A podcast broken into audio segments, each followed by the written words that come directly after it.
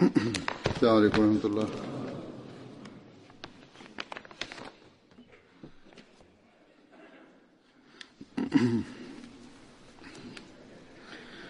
أشهد أن لا إله إلا الله وحده لا شريك له وأشهد أن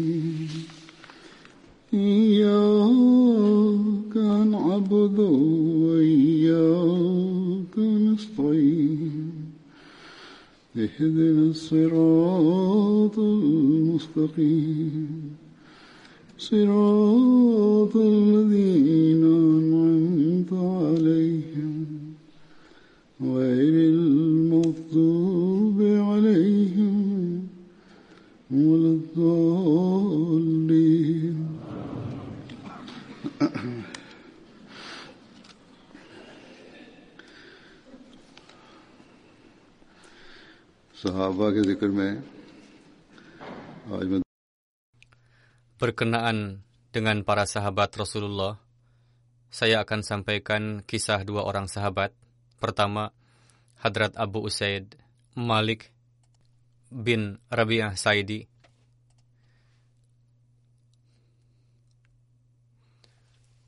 Hadrat Malik bin Rabi'ah dikenal dengan julukannya yakni Abu Usaid. Sebagian ada yang menyebut beliau dengan nama Bilal bin Rabi'ah. Beliau berasal dari Banu Sa'adah, cabang dari Khazraj. Hadrat Abu Usaid Malik bin Rabi'ah bertubuh pendek, rambut dan janggut beliau berwarna putih. Rambut beliau lebat, ketika tua beliau luput dari penglihatan. Beliau wafat pada masa Hadrat Muawiyah pada 60 Hijri dalam usia 75 tahun. Dan beliau adalah yang paling terakhir wafat di antara para sahabat Ansor yang ikut pada perang Badar. Hadrat Abu Usaid ikut dalam perang Badar, Uhud, Khandak, dan peperangan setelah itu menyertai Rasulullah. Pada saat Fatah Mekah, beliau memegang panji kabilah Banu Sa'adah. Hadrat Sahal bin Sa'ad meriwayatkan bahwa Hadrat Abu Usaid Sa'adi mengundang Rasulullah pada pernikahan beliau. Pada saat itu, istri beliau mengkhidmati Rasulullah Shallallahu Alaihi Wasallam, padahal sedang menjadi pengantin.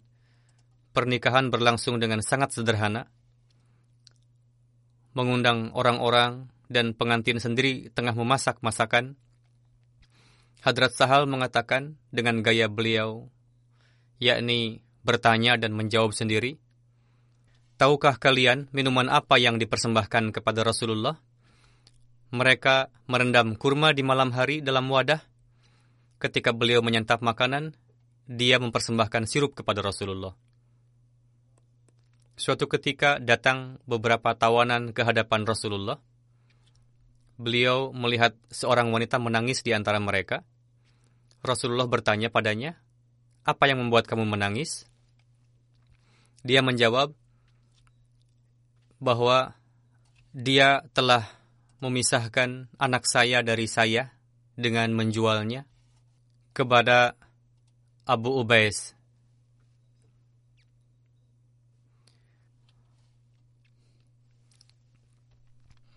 Rasulullah memanggil pemilik tawanan. Ternyata pemiliknya adalah Abu Usaid Sa'idi.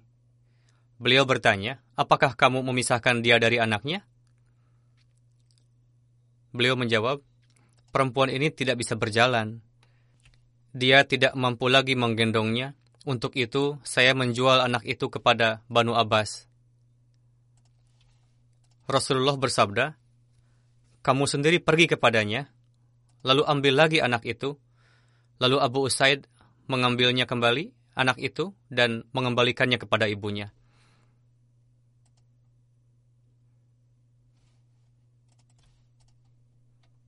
Hadrat Rasulullah bersabda, apakah dia mampu ataupun tidak, namun seorang ibu tidak bisa dibuat menderita karena anaknya. Apakah dia tawanan, hamba sahaya wanita, ataupun pria. Hadrat Rasulullah suatu ketika membalapkan kuda dan unta. Unta betina Rasulullah yang dikendarai oleh Bilal terdepan dari antara unta-unta lain. Begitu juga kuda beliau yang ditunggangi oleh Abu Usaid Sa'di unggul di dalam balapan.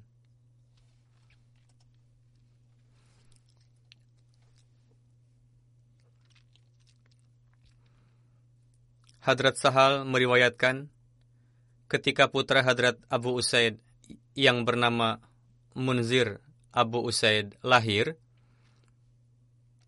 dibawalah bayi itu ke hadapan Rasulullah. Lalu beliau Shallallahu Alaihi Wasallam menundukkan bayi itu di atas paha dan saat itu Hadrat Abu Usaid tengah duduk. Tidak lama kemudian Rasulullah sibuk dengan urusan lain. Lalu ada orang lain yang mengambil bayi itu.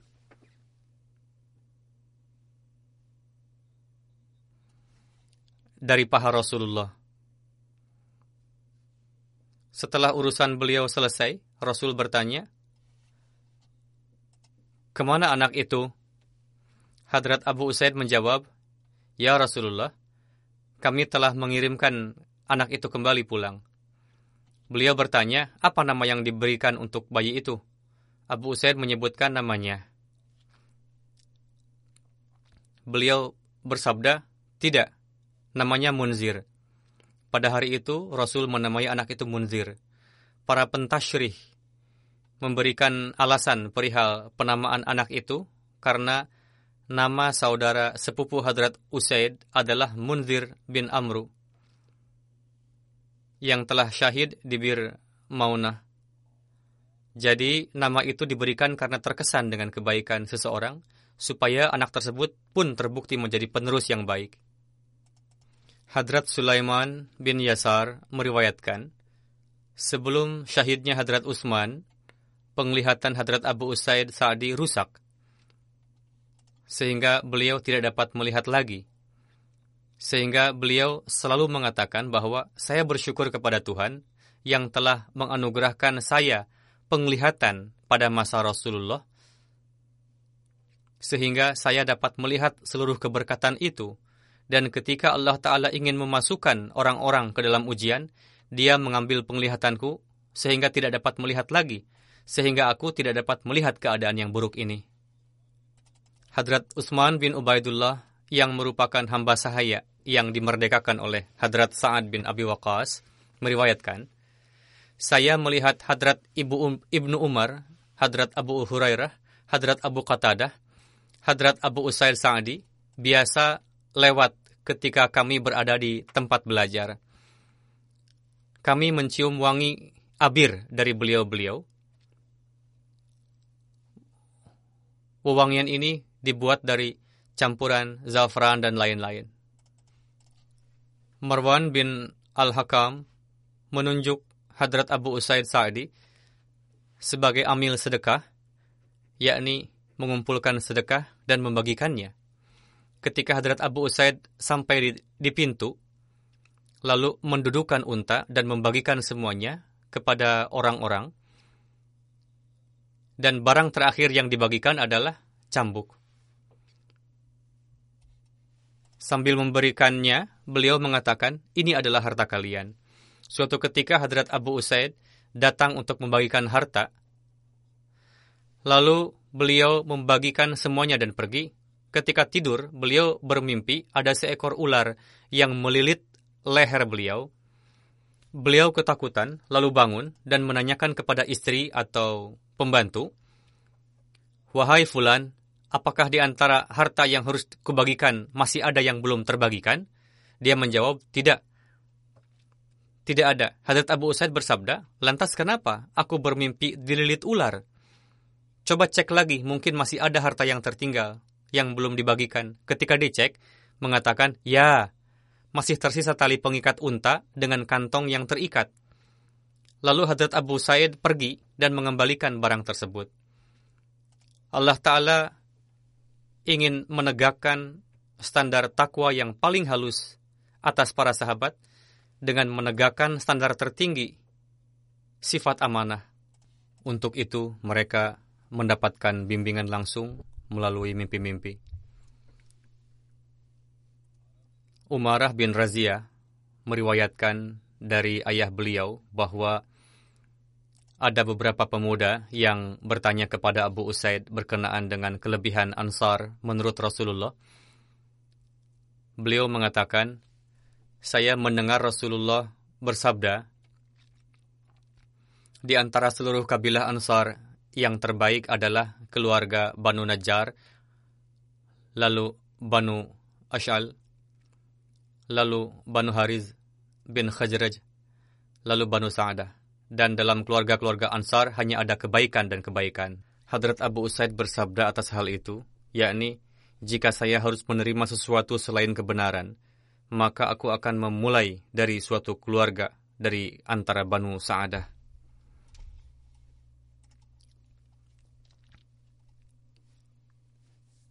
Hadrat Muslim Maud radhiyallahu anhu pada suatu kesempatan bersabda mengenai sejarah yakni ketika Arab dikuasai dan Islam mulai menyebar ada seorang wanita dari kabilah Kanda yang bernama Asma atau Umaymah yang disebut juga dengan sebutan Junia atau Bintul Jun.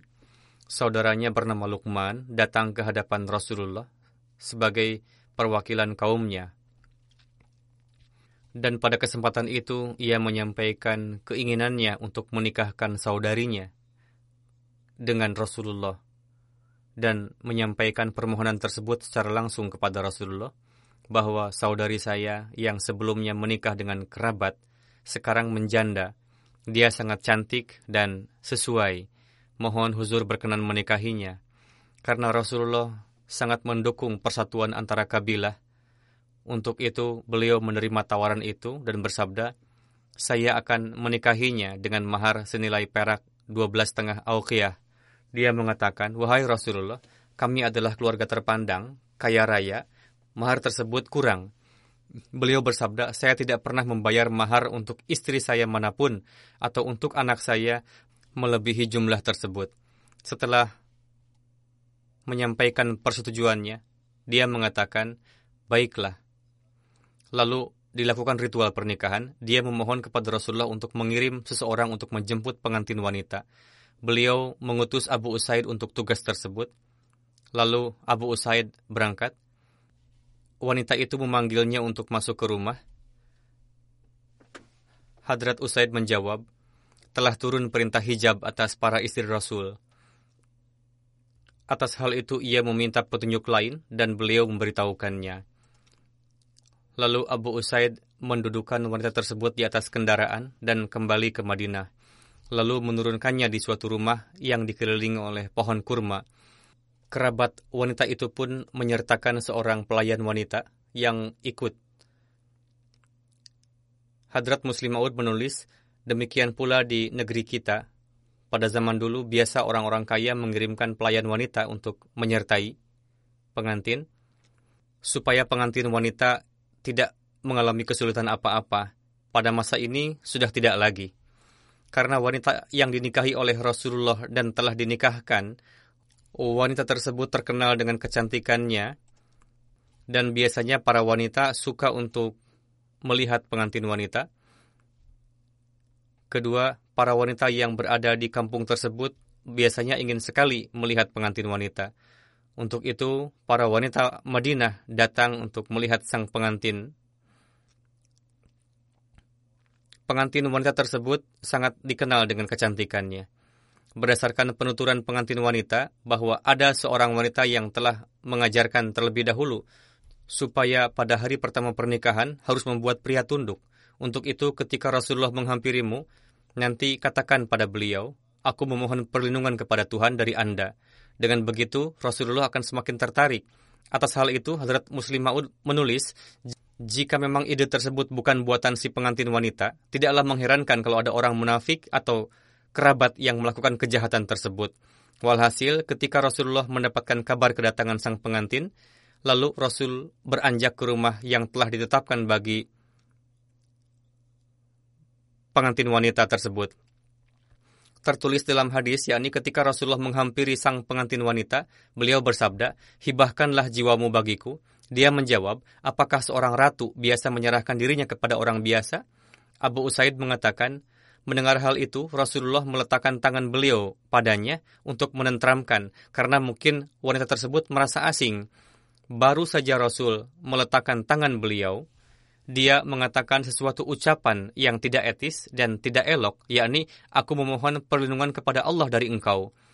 Hadrat Muslim Aul bersabda, karena seorang nabi sangat hormat jika mendengar kata Tuhan dan langsung mengingat keagungannya, Mendengar ucapan tersebut, Rasulullah langsung mengatakan, Engkau telah menjadikan zat yang agung sebagai perantara dan memohon perlindungannya yang merupakan maha pelindung. Untuk itu, aku kabulkan permohonanmu. Lalu Rasulullah segera keluar dan bersabda, Wahai Abu Usaid, berikan kepadanya dua kain cadar dan kembalikan kepada keluarganya. Lalu setelah itu beliau memerintahkan untuk selain menyerahkan maharnya, Rasul juga memberikan dua kain cadar sebagai ihsan. Supaya perintah Al-Quran Karim yang berbunyi, Walatan saul fadla bainakum, yang artinya, janganlah melupakan untuk berlaku baik satu sama lain. Sesuai dengan ayat tersebut, Rasul memberikan lebih sebagai ihsan. Hadrat Muslim Maud menulis wanita yang ditalak sebelum melakukan hubungan badan dan beliau memerintahkan untuk memulangkannya dan Abu Said jugalah yang diperintahkan untuk mengantarkannya pulang. Hal tersebut sangat melukai penduduk kabilahnya sehingga mereka memarahinya. Namun wanita tersebut tetap menjawab bahwa ini adalah kesialanku. Dan terkadang dia mengatakan bahwa saya telah dicelakakan dan disuruh supaya ketika Rasul menghampiri saya, menyingkirlah kamu dan perlihatkanlah rasa tidak suka. Dengan seperti itu, ru'ub kamu akan menguasai beliau. Entahlah apakah itu penyebabnya atau ada hal lain. Walhasil, wanita itu menzahirkan rasa tidak suka dan Rasulullah meninggalkannya dan mengirimkannya pulang. Tuduhan perihal beristri banyak yang dilontarkan kepada Rasulullah atau gandrung dengan wanita cantik, nauzubillah, kejadian tersebut cukup untuk membantah tuduhan tersebut. Hadrat Abu Usaid mengatakan, kapan pun Rasul dimintai sesuatu, beliau tidak pernah menolaknya.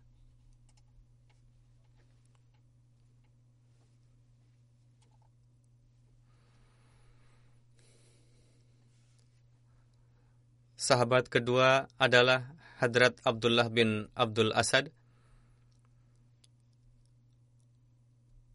Nama beliau adalah Abdullah, namun dipanggil Abu Salamah. Ibunda beliau bernama Barah bin Ti Abdul Muthalib dan beliau merupakan saudara sepupu Rasulullah. Rasulullah, beliau juga merupakan saudara sepesusuan Rasulullah dan Hadrat Hamzah. Beliau disusui oleh hamba sahaya Abu Lahab yang bernama Suaibah. Hadrat Ummul Mukminin yakni Ummi Salamah sebelumnya adalah istri beliau.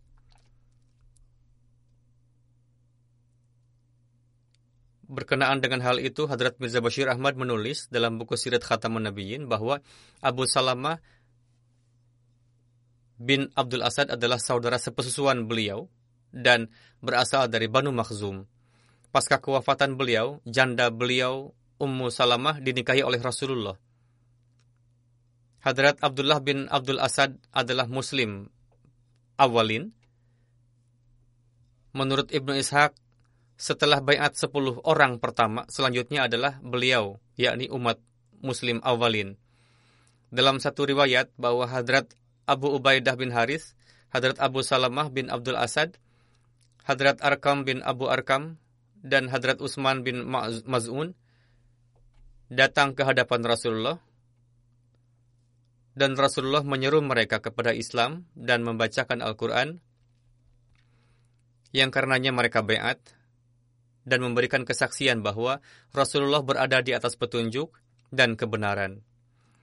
Hadrat Abdullah bin Abdul Asad ikut serta dengan istri beliau pada hijrah pertama ke Habsyah. Setelah kembali ke Mekah dari Habsyah, mereka hijrah ke Madinah.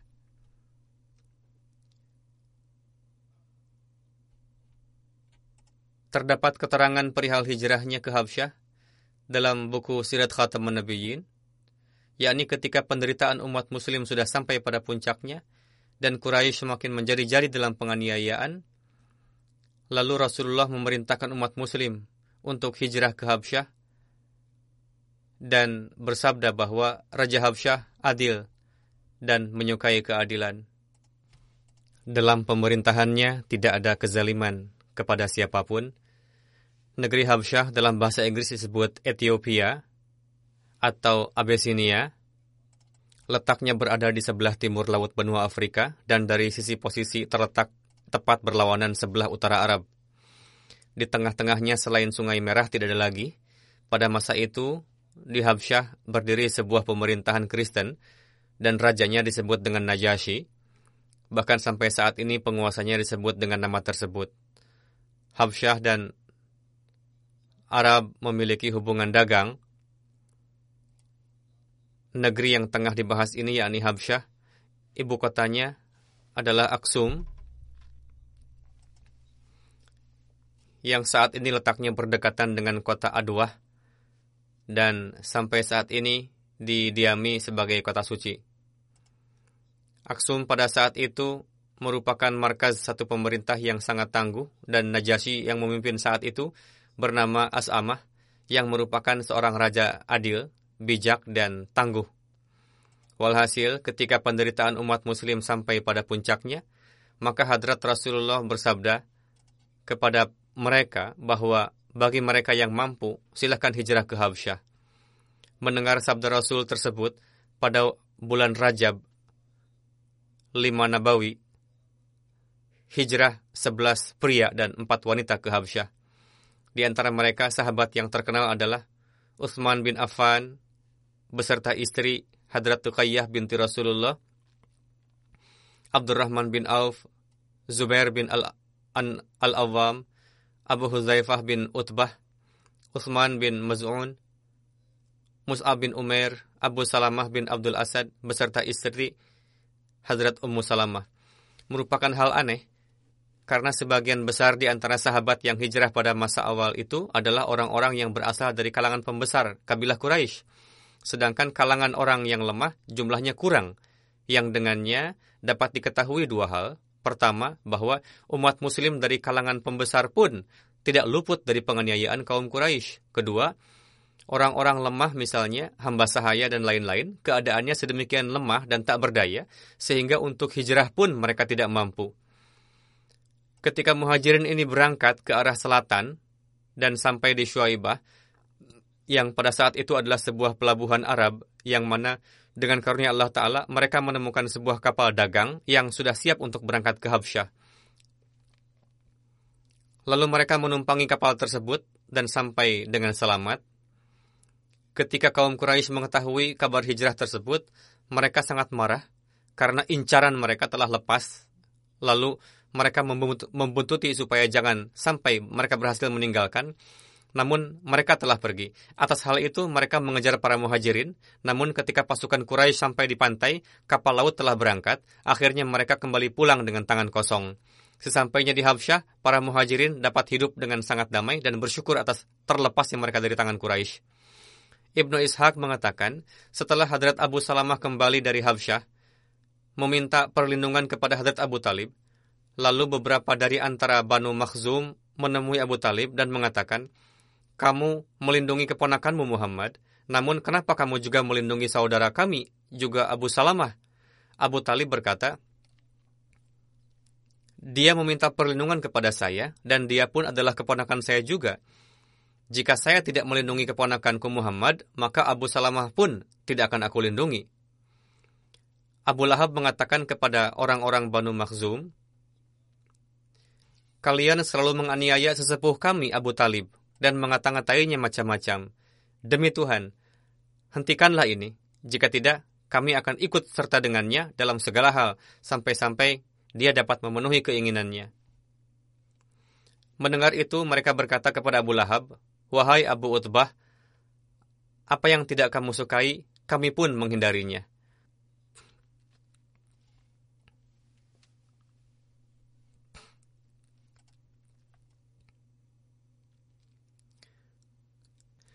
Karena Abu Lahab merupakan kawan dan pendukung Banu Makhzum dalam menentang Rasulullah. Untuk itu mereka menghentikan penganiayaannya kepada Abu Salamah.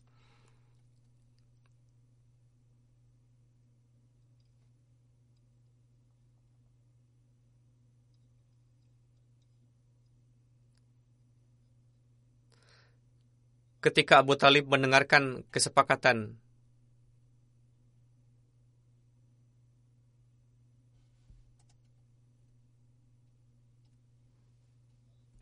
ketika Abu Talib mendengar kesepakatan dengan Abu Lahab, yakni dia sepakat dengan perkataanku dan menghentikan kabilah lain,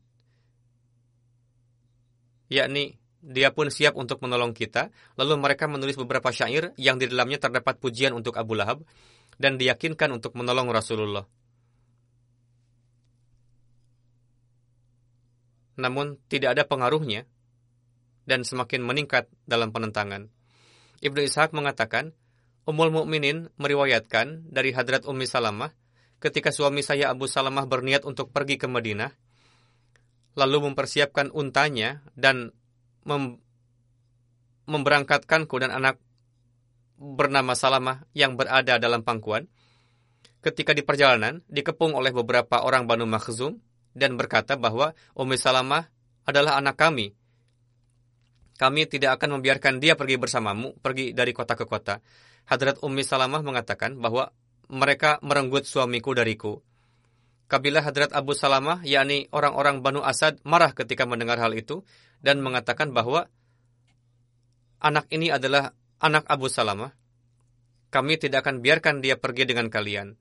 Lalu mereka merampas anak saya. Kabilahnya membawa perempuan itu, sedangkan anak yang laki-laki diambil oleh kabilah pria. Umi Salamah mengatakan, saya benar-benar tinggal sendiri. Selama satu tahun, saya terperangkap dalam musibah ini, dan setiap hari pergi ke daerah Abtah untuk menangis. Suatu hari, salah seorang dari antara anak-anak paman melihat saya menangis di sana.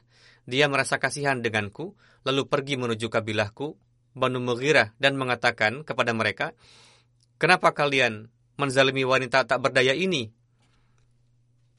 Kalian telah memisahkannya dari anak dan suaminya. Lepaskan dia.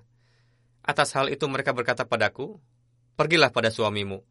Hadrat Ummi Salamah mengatakan, setelah itu Bani Banu Abdul Asad mengembalikan anakku, kemudian saya siapkan unta dan membawa anak lalu berangkat. Setelah berangkat ke Madinah, tidak ada yang menyertai saya. Ketika sampai di daerah Tanim, saya berjumpa dengan Hadrat Utsman bin Abu Talha yang saat itu belum masuk Islam karena beliau bayat pada tahun 6 Hijri. Beliau berkata, Wahai Ummi Salamah, mau ke mana Anda? Saya katakan bahwa saya akan pergi ke Madinah menjumpai suamiku. Hadrat Utsman bertanya, apakah ada yang menyertaimu? Saya katakan, demi Tuhan, tidak ada yang menemani. Hanya anak saya ini dan Tuhan yang menemani. Utsman berkata, Demi Tuhan, saya tidak akan biarkan kamu pergi sendiri. Saya akan temani kamu. Lalu beliau memegang tali unta. Hadrat Ummu Salamah meriwayatkan, Demi Tuhan, di antara laki-laki Arab, saya belum pernah melihat yang mulia sepertinya. Sesampainya di tempat tujuan, beliau dudukan unta dan memisahkan diri, lalu memasang kemah di berbagai tempat, Ketika sampai di suatu tempat, beliau dudukan unta dan memisahkan diri. Ketika turun dari unta, beliau turunkan perbekalannya lalu mengikat unta ke pohon dan tidur memisahkan diri di bawah pohon. Ketika akan mulai berangkat lagi, beliau menyiapkan unta, lalu saya menaikinya dan berangkat sambil memegang tali. Sehingga kami sampai di Madinah. Hadrat Utsman bin Abu Talha melihat kampung Banu Amru bin Auf bin Dikaba mengatakan padaku, Wahai Ummi Salamah, suamimu Abi Salamah tinggal di sini. Masuklah ke rumah tersebut dengan keberkatan Tuhan, lalu Utsman kembali ke Makkah.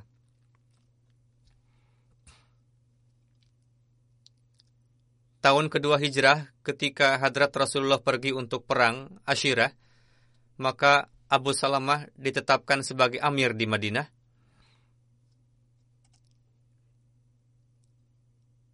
Berkenaan dengan perang Ashirah, Hadrat Mirza Bashir Ahmad menulis bahwa pada Jumadil Awal, setelah mendapatkan kabar dari Quraisy, maka Rasulullah pergi bersama dengan satu grup dari Madinah dan meninggalkan setelah menetapkan Abu Salamah bin Abdul Asad sebagai amir.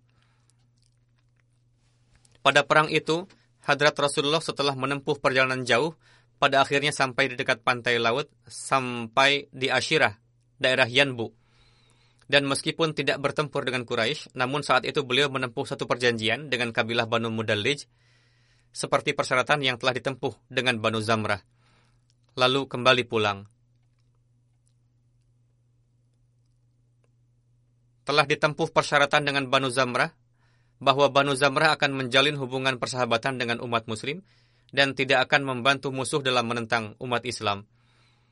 Ketika Rasulullah memanggil mereka untuk membantu umat muslim, mereka akan segera datang.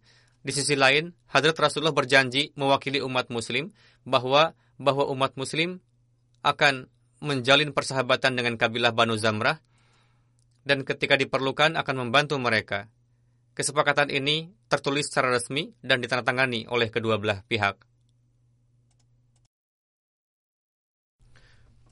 Kemudian dalam buku Sirat Khatamun Nabiyyin tertulis bahwa kekalahan yang dialami oleh umat Islam pada perang Uhud membuat kabilah-kabilah Arab lebih berani untuk melawan umat muslim.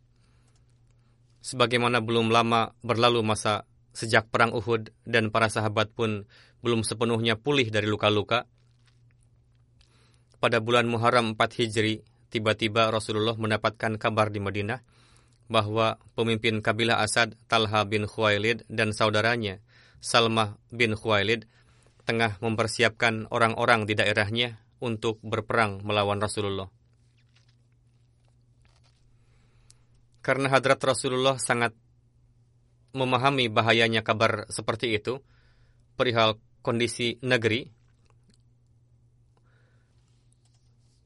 Untuk itu, seketika mendengar kabar tersebut, beliau langsung menyiapkan 150 pasukan yang tangkas dan menetapkan Abu Salamah bin Abdul Asad untuk memimpinnya, lalu menekankan untuk melakukan serangan tiba-tiba. Sebelum Banu Asad melampiaskan kebencian ini, pecahkanlah kekuatan mereka. Lalu dengan cepat dan diam-diam, Abu Salamah bergerak dan sampai di daerah pertengahan Arab, Qatan, namun tidak terjadi pertempuran. Namun ketika melihat pasukan muslim, penduduk Banu Asad berhamburan, setelah beberapa hari tidak nampak, Abu Salamah kembali ke Madinah. Disebabkan oleh perjalanan yang berat tersebut, luka yang beliau alami pasca perang Uhud yang nampaknya sudah hampir sembuh, kembali memburuk, dan meskipun diobati, kondisinya semakin memburuk. Sehingga disebabkan oleh keadaan itu, sahabat mukhlis awalin dan merupakan saudara sepupu sepususuan Rasul tersebut wafat. Jenazah beliau dibasuh dengan air dari sumur Al-Yasirah yang berada di daerah Aliyah dan dimiliki oleh Banu Umayyah bin Zaid. Pada zaman Zahiliyah, sumur itu bernama Al-Abir, lalu diganti oleh Rasulullah menjadi Al-Yasirah. Dan jenazah Abu Salamah dikuburkan di Madinah. Ketika beliau wafat, Hadrat Rasulullah memejamkan mata almarhum yang terbuka, lalu memanjatkan doa, Ya Tuhan, ampunilah Abu Salamah, tinggikanlah derajatnya di antara orang-orang yang mendapat hidayah dan jadilah engkau sendiri sebagai penerus bagi kerabatnya yang ditinggalkan. Wahai Tuhan semesta alam, ampunilah dia dan kami. Dalam satu riwayat, ketika kewafatan Abu Salamah sudah dekat, beliau berdoa, Ya Tuhan, jadikanlah wujud terbaik sebagai penggantiku dalam keluargaku. Doa tersebut dikabulkan dengan dinikahinya Hadrat Ummu Salamah, yakni istri beliau oleh Rasulullah SAW putra Hadrat Ummu Salamah menuturkan bahwa Hadrat Abu Salamah datang kepada Hadrat Ummu Salamah dan mengatakan,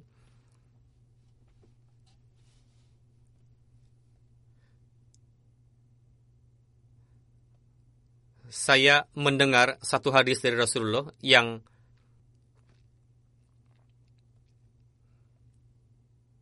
yang paling saya cintai dari hal-hal lain. Hadrat Rasulullah bersabda, Barang siapa yang mendapat musibah, bacalah innalillahi wa inna ilaihi rajiun dan berdoa, "Ya Tuhan, aku memohon ganjaran dari Engkau atas musibah ini." Ya Tuhan, berikanlah aku penggantinya, maka Allah Ta'ala akan memberikannya. Hadrat Ummu Salamah menuturkan, ketika Abu Salamah syahid, saya memanjatkan doa seperti itu, padahal hati saya enggan untuk berdoa, Ya Allah, anugerahkanlah kepadaku pengganti Abu Salamah Lalu saya mengatakan kepada Abu Salama, siapa yang lebih baik dari Anda?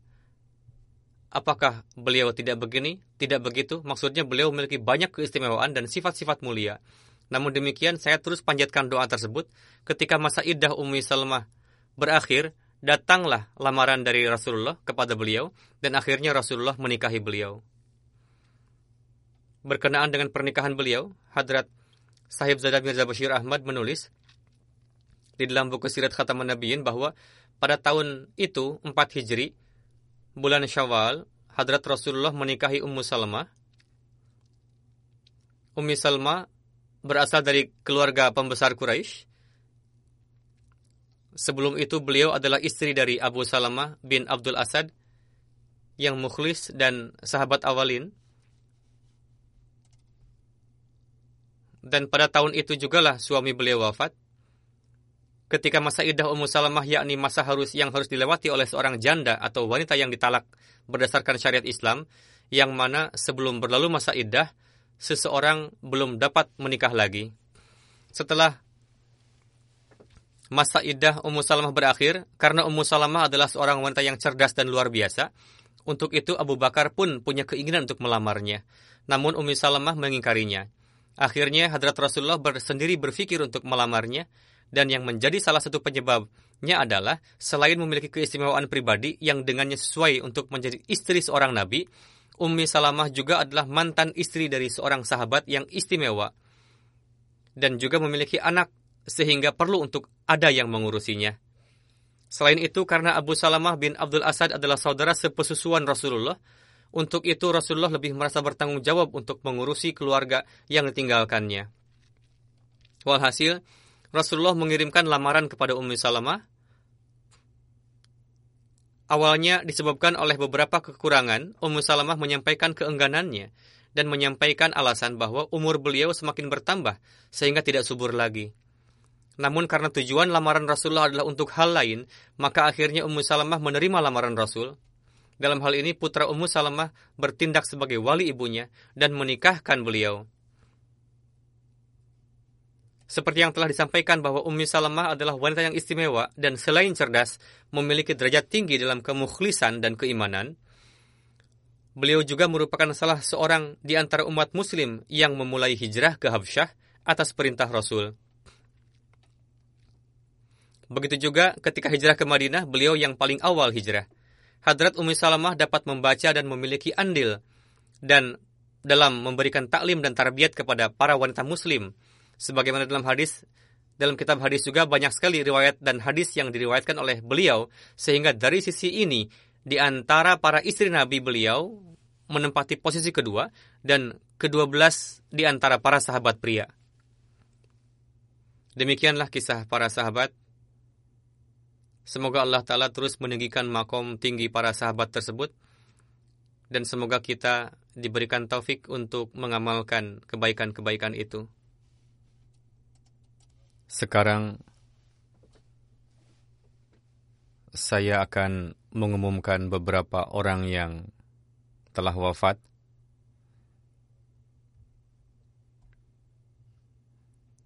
Dan setelah itu saya akan memimpin salat jenazah gaib mereka. Pertama, Raja Nasir Ahmad Sahib Nasir, seorang wakaf zindagi dan mubalik. Terakhir menjabat sebagai mantan Nazir Islah Irsyad Markaz. Beliau wafat pada tanggal 6 Juli pukul 11 pagi pada usia 80 tahun di Tahir Hat Institute. Innalillahi wa inna ilaihi raji'un. Beliau sakit selama bertahun-tahun sejak tahun 2012. Kesehatan beliau perlahan-lahan terus memburuk. Sejak tiga bulan terakhir, beliau sama sekali tergeletak di atas tempat tidur disebabkan oleh pendarahan otak. Beliau lahir pada tanggal 7 Mei 1938 di Behera, daerah Sargoda. Setelah menempuh pendidikan dasar, melanjutkan metrik, lalu pergi ke Lahore dan bekerja di Departemen Irigasi sebagai juru tulis. Pada tahun 58, beliau mewakafkan hidup dan masuk ke jamiah. Pada tahun 65, beliau mendapatkan gelar syahid. Dalam keluarga beliau, jemaat masuk melalui ayah beliau, Raja Ghulam Haider Sahib, yang bayat di tangan Hadrat Khalifatul Masih yang kedua, dan setelah itu beliau membayatkan orang tua dan adik kakak.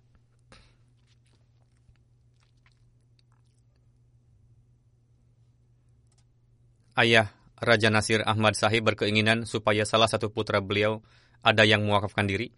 Untuk memenuhi keinginan tersebut, Raja Sahib mengisi formulir wakaf pada tahun 58 Lalu formulir tersebut dibawa ke saudara beliau, almarhum Raja Nasir, Raja Nazir Ahmad Sahib Zafar untuk ditandatangani.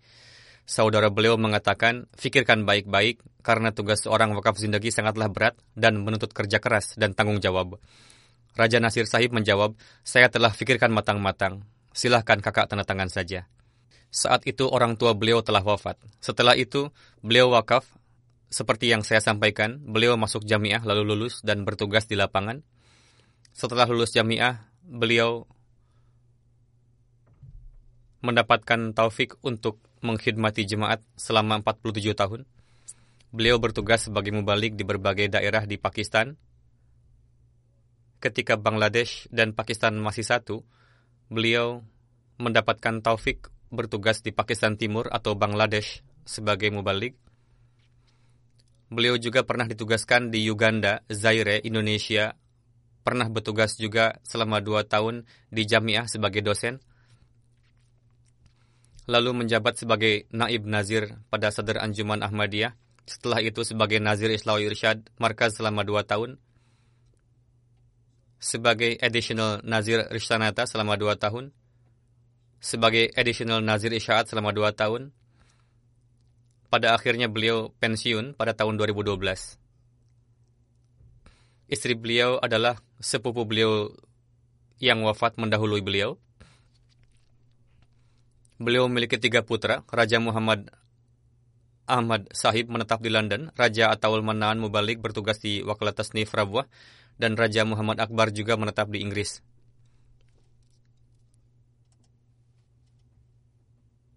Beliau adalah seorang figur yang bertawakal dan pendoa.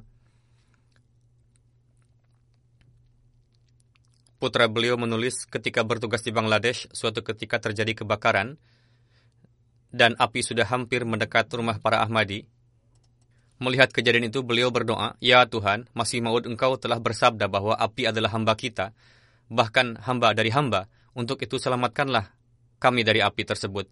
Dikisahkan bahwa api mendekat ke rumah Ahmadi, menyentuh penjuru rumah, lalu terhenti dan tidak melahap rumah Ahmadi, sehingga terhindar dari kerugian.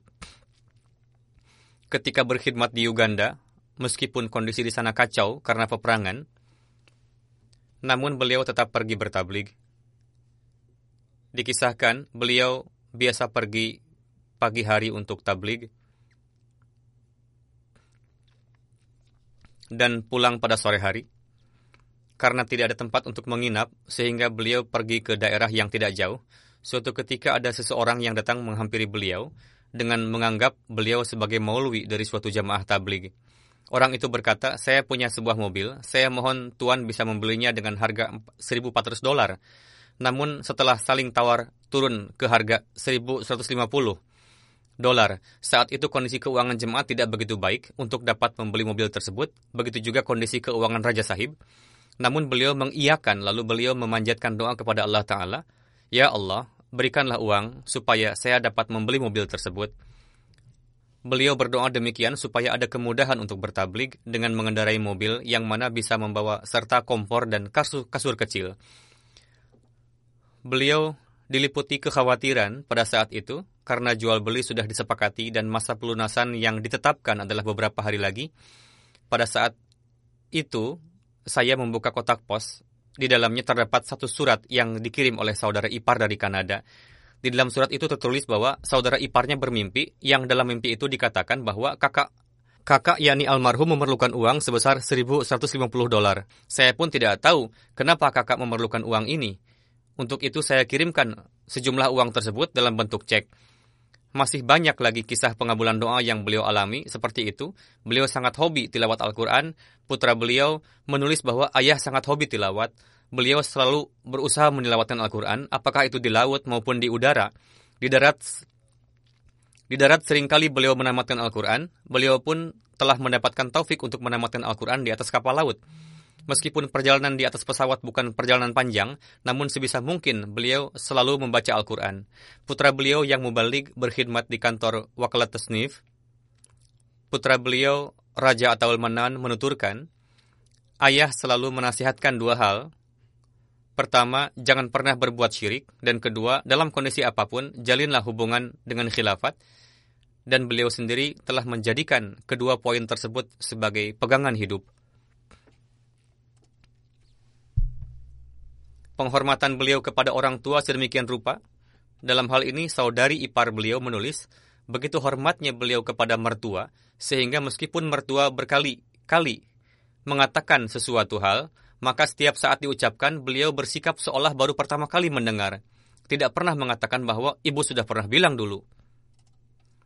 Menantu beliau yang merupakan istri Mubalik menulis,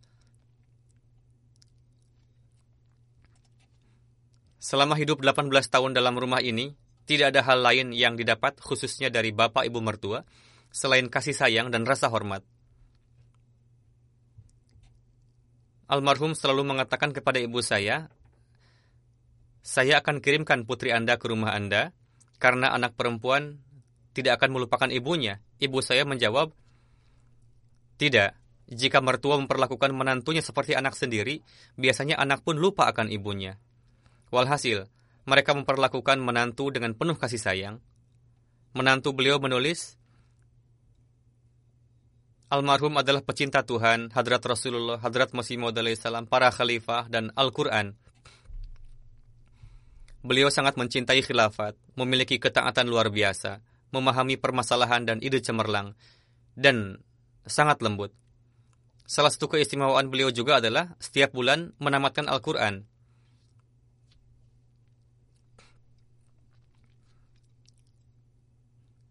Kerabat almarhum pun menulis bagaimana Allah Ta'ala memenuhi segala kebutuhan beliau, selalu mengabulkan doa beliau, dan luar biasa. Walhasil, beliau adalah seorang murabbi dan mubalik yang sukses, memiliki kemampuan dalam pengelolaan, hubungan beliau dengan khilafat patut menjadi teladan. Berkenaan dengan beliau, hubungan beliau dengan khilafat dapat dikatakan bahwa beliau melangkah mengikuti khilafat layaknya nadi berdenyut menyertai tubuh atau jantung.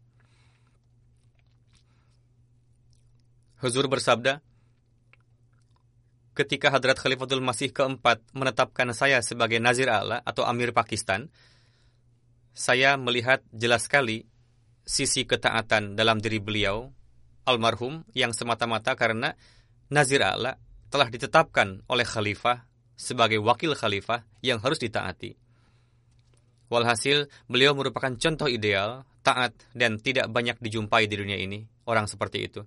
Semoga Allah Ta'ala mencurahkan rahmatnya atas beliau, Semoga putra-putri beliau diberikan taufik untuk dapat melanjutkan kebaikan, keistimewaan beliau.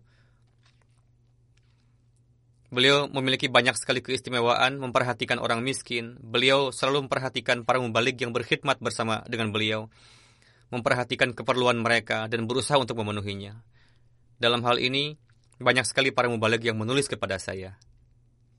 Selain itu, adalah dua jenazah gaib yang syahid, meskipun bukan karena jemaat, namun diawali dengan kejadian perampokan di toko beliau, lalu perampok itu menembak mereka sehingga syahid. Di antaranya adalah Mubin Ahmad Sahib Syahid bin Mahbub Ahmad Sahib, dan yang kedua adalah Muhammad Zafrullah Sahib bin Liakat Ali Sahib, yang terjadi pada tanggal 7 Juli 2018, sekitar pukul 3 sore di daerah Wetachok, area industri Corangi, Karachi. Para perampok menembaki tiga kudam yang bernama Mubin Ahmad Sahib bin Mahmud, Mahbub Ahmad Sahib, Zafrullah Ahmad Sahib, dan Muhammad Nasrullah Sahib yang mengakibatkan syahidnya Mubin Ahmad Sahib dan Zafrullah Ahmad Sahib. Innalillahi wa inna ilaihi rajiun. Para perampok itu masuk toko elektronik mereka, lalu menembaki dengan kejam karena sang pemilik menolak untuk menyerahkan aset. Akhirnya mereka berdua syahid. Dalam keluarga yang terhormat Mubin Ahmad Sahib bin Mah Mahbub Ahmad Sahib, jemaat masuk melalui kakek buyut beliau yang terhormat Chodri Ilahdar Sahib yang bayat melalui kakak beliau bernama Abdul Aziz Patwari Sahib pada tahun 40. Pasca bayat, putra-putri beliau menentang beliau dan di rumah pun beliau ditempatkan pada ruang terpisah, begitu juga kasur dan wadah-wadah. Namun beliau menghadapinya dengan penuh kesabaran kakek almarhum yang terhormat Ali Muhammad Sahib, sebelumnya merupakan penentang keras jemaat dan beliau adalah murid dari seorang penentang keras jemaat bernama Ataullah Shah Bukhari. Ketika terjadi peristiwa perpisahan India-Pakistan, di mana Ataullah Shah Bukhari mengucapkan kata yang tidak sesuai ditujukan kepada Qaid Azam dengan sebutan kafir Azam dan menentang Liga Muslim, lalu kakek beliau memisahkan diri darinya ketika terjadi pembagian anak benua, pemisahan Pakistan dan Hindustan dan jemaat dan jemaat hijrah ke Lahore. Beliau menjadi saksi tergenapinya nubuatan-nubuatan Hadrat Masih Maud salam berkaitan dengan hijrah. Lalu timbul lagi kecenderungan beliau terhadap jemaat dan setelah berdirinya Pakistan, keluarga ini pindah ke Nawab Shah. Pada saat kunjungan Hadrat Muslim Maud ke Sin, ketika kakek almarhum bertemu dengan huzur dan memandang wajah huzur, beliau mengatakan, wajah ini bukanlah wajah seorang pendusta. Lalu akhirnya beliau beat masuk ke dalam jemaat. Mubin Ahmad Sahib tengah menempuh gelar BA ketika syahid usia beliau 20 tahun.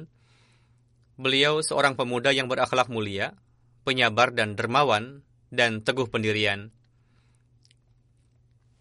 Beliau dalam salat lima waktu di rumah pun paling penyayang. Beliau selalu semangat dalam pengkhidmatan jemaat dan khadim yang aktif. Beliau tidak akan segan-segan untuk meninggalkan urusan pribadi demi urusan jemaat. Beliau telah daftar wasiat dan nomor dokumennya telah keluar. Insya Allah akan diterima wasiatnya.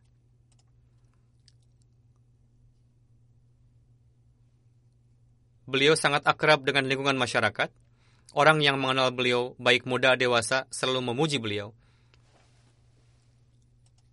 Mubin Ahmad Sahib adalah sepupu dari Syahid Khadim kedua pada kejadian tersebut, yakni Muhammad Zafrullah Sahib. Kerabat yang ditinggalkan di antaranya ayah bernama Mahbub Ahmad Sahib, ibunda bernama Amatul Hafiz Begum Sahibah, saudari-saudari yaitu Mubinah Mahbub 23 tahun, Kanzah Mahbub 16 tahun, adik Amin Ahmad 13 tahun. Almarhum syahid kedua yang akan disalatkan jenazahnya adalah Muhammad Zafrullah Sahib bin Liakat Ali Sahib. Pada peristiwa tersebut beliau terkena tiga peluru yang menyebabkan luka berat pada ginjal beliau, lalu dioperasi dan membaik, namun kondisinya memburuk lagi. Kemudian para dokter memutuskan untuk dioperasi lagi. Namun pada malam harinya, yakni satu malam sebelumnya, wafat. Innalillahi wa inna ilaihi raji'un. Dalam keluarga beliau, jemaat bermula dari kakek buyut beliau, Gulam Din Ah Sahib, penduduk daerah Gurdaspur. Beliau biasa bekerja di sawah sahabat Hadrat Masih Maud salam, Hadrat Abdul Aziz Patwari. Suatu hari beliau pergi ke Kadian bersama dengan sahabat tersebut, lalu bayat setelah berjumpa dengan Hadrat Masih Maud salam. Muhammad Zafrullah Sahib Syahid lahir di Karachi pada bulan Oktober 93. Beliau seorang khadim yang periang dan mukhlis. Senyuman sentiasa nampak pada bibir beliau. Beliau selalu tampil untuk mengkhidmati jemaat, mengerjakan tugas-tugas majelis khudam melalui berbagai bidang. Dengan karunia Allah Ta'ala, beliau adalah seorang musik, ketika syahid beliau berusia 25 tahun.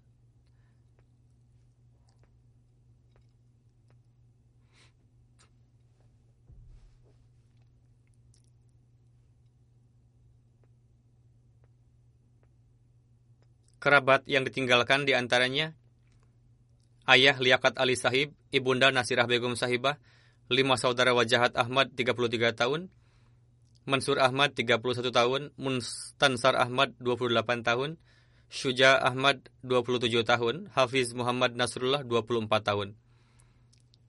Korban ketiga dalam tragedi tersebut juga bernama Hafiz Nasrullah Sahib, yakni saudara beliau. Beliau telah mengalami operasi dan tengah dirawat di rumah sakit. Semoga Allah telah menganugerahkan kesehatan sempurna kepada beliau juga meninggikan derajat para almarhum, memberikan kesabaran kepada kerabat yang ditinggalkan. Amin.